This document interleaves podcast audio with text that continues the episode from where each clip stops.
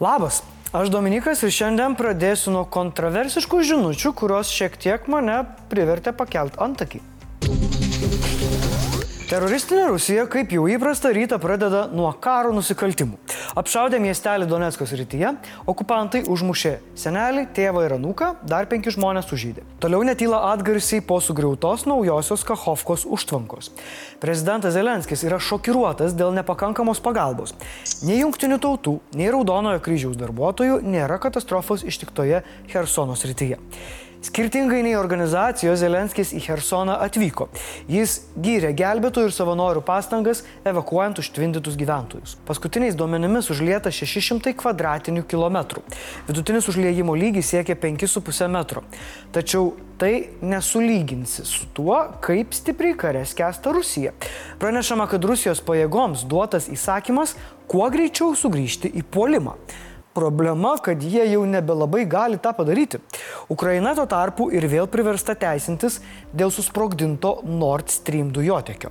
CNN paskelbė, jog JAV pernai iš vienos ES gavo žvalgybinės informacijos, kad Ukrainos kariuomenė planavo išpolį prieš dujotekį likus trims mėnesiams iki sprogimo.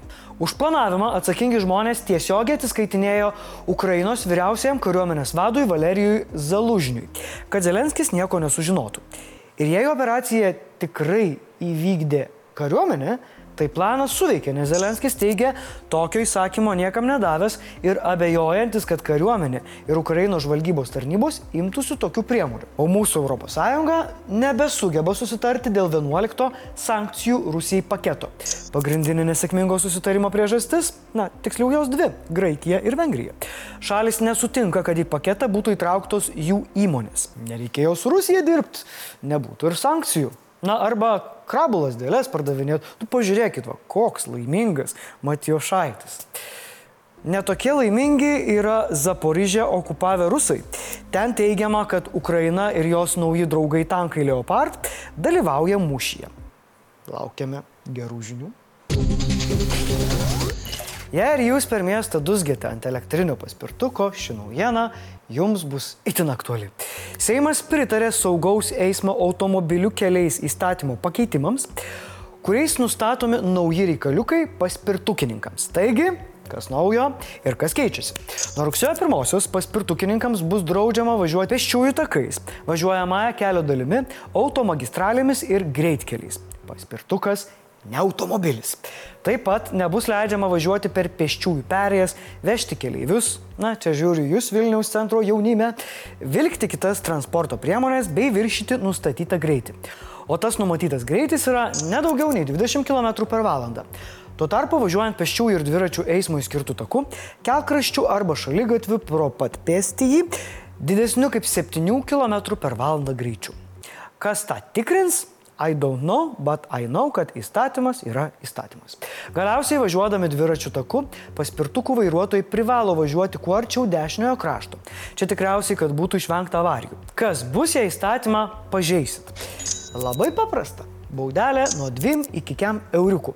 Susimokėsit kelis kartus už tai, kad trysia paspirtuku Gedimino prospektu važiavot ir mm, neliks už ką veipuką nusipirkti. Pataisų autorius Seimo narys Julius Sabatauskas teigia, kad taip bando pasiekti du dalykus. Į Lietuvos teisinę bazę įvesti elektrinius paspirtukus ir, aišku, visų eismo dalyvių saugumą. Bet pala, pala, pala, pala. O tai čia apsimoka apskritai dabar tais paspirtukais važinėti? Nu, parašykit, ką manot. Ant kiek čia jau nebeapsimoka? Kanada skęsta ugnies liepsnuose. Dėl viską nekojančių gaisrų dešimtis tūkstančių žmonių buvo priversti palikti namus. Išdegė beveik 4 milijonai hektarų žemės, o suprastėjusią oro kokybę jaučia maždaug 100 milijonų žmonių visoje Šiaurės Amerikoje. Kanados premjeras Justinas Trudeau patvirtino, kad šis miškų gaisrų sezonas yra blogiausias per visą šalies istoriją. Sudėtingiausia situacija yra Otavoje ir Kvebeke, kuris ir yra gaisrų žydinys. Kovoti su ugnimi kanadiečiams padeda kolegos iš Prancūzijos, Australijos, Meksikos, Naujosios Zelandijos, Amerikos ir Pietų Afrikos. Gaisrų priežastis, kaip ir kasmet, sausas ir karštas oras, o pasiekmes, na, pažiūrėkit patys. Štai taip atrodo Šiaurės Amerikos didmieščiai. Blogiausia situacija yra New York'e. Čia ekrane matote vidurdienį. Vakar miestas užėmė pirmą vietą labiausiai užterštų miestų dešimtuke. Žmonės raginami atsisakyti veiklų atvirame ore arba dėvėti respiratorius, o gyvūnai zoologijos soduose keliauja į vidinės patalpas. Atidėti skrydžiai ir svarbus sporto renginiai. Jei norite įsivaizduoti, koks maždaug jausmas dabar vaikščioti New York'e, tai pakurkit krosnį ir laužą, palaukit, kol dūmai pradės eiti jums į veidą ir tuomet kuo ilgiau bandykit išbūti atsimerkę. Nu, turėtumėt suprasti. Plits, čekiukai. Pasirodė ilgai laukta antroji Vilniaus miesto savivaldybės tarybos narių išmokų analizės dalis. Ir čia irgi netrūksta staigmenėlių. Buvęs tarybos narys ir viceministras Vincas Jurgutis jau ir atsiprašyti spėjo, kad nesužiūrėjo ir už tuos pačius bolto čekius kompensavosi pinigus ir iš savivaldybės, ir iš tarybos.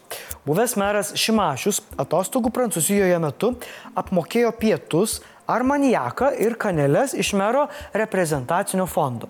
Jis irgi jau pakomentavo, viską vežė kaip dovanas į Lietuvą. Tarybos narė Nijolė Jegelavičiane už Vilniečių pinigus važiuodavo prie jūros, o kartą sugebėjo per 3-3 sekundės atlikti du kūro pilimus po 8,4 ir po 8,6 litrus. Konservatorius Gediminas Švilpa, pildamasis kūrą per keliolika minučių teleportavosi iš Pilaitės į kirtimus ir ko gero visą kūrą išvažinėjo.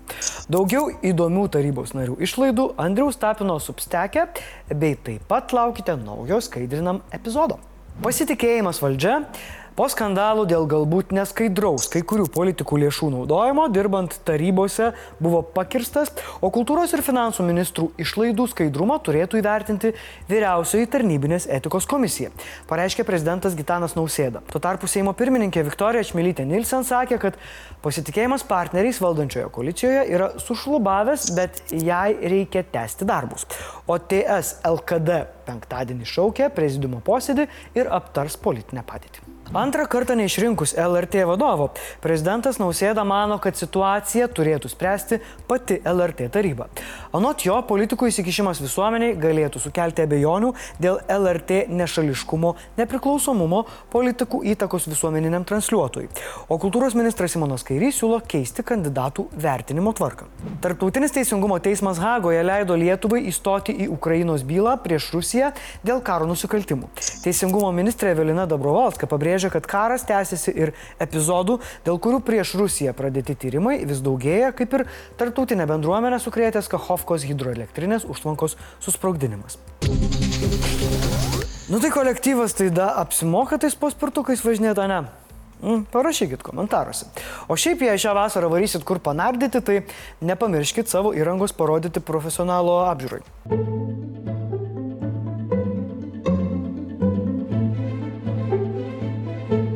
Komentarų metas. Vakar Timūras jūsų klausė, kokius šaltinius dažniausiai skaitote apie karą ir kokiais pasitikit. Marius Viktorovas parašė, kokius dar šaltinius. Vienintelis teisų šaltinis 1482. Tai pačekinam Marių šaltinį, ką? Žiūrėkit, aš pačekinsiu, jūs irgi pačekinkit dabar, pasiėmė telefoną 1482. Ir šiandien... Mhm. Viskas? Padėkojau už gerumą, aš padėkojau, kad, padėkot norėčiau, kad jūs šiandien žiūrėjote tiek žinių. Iki pasimatymo. Mhm. mhm.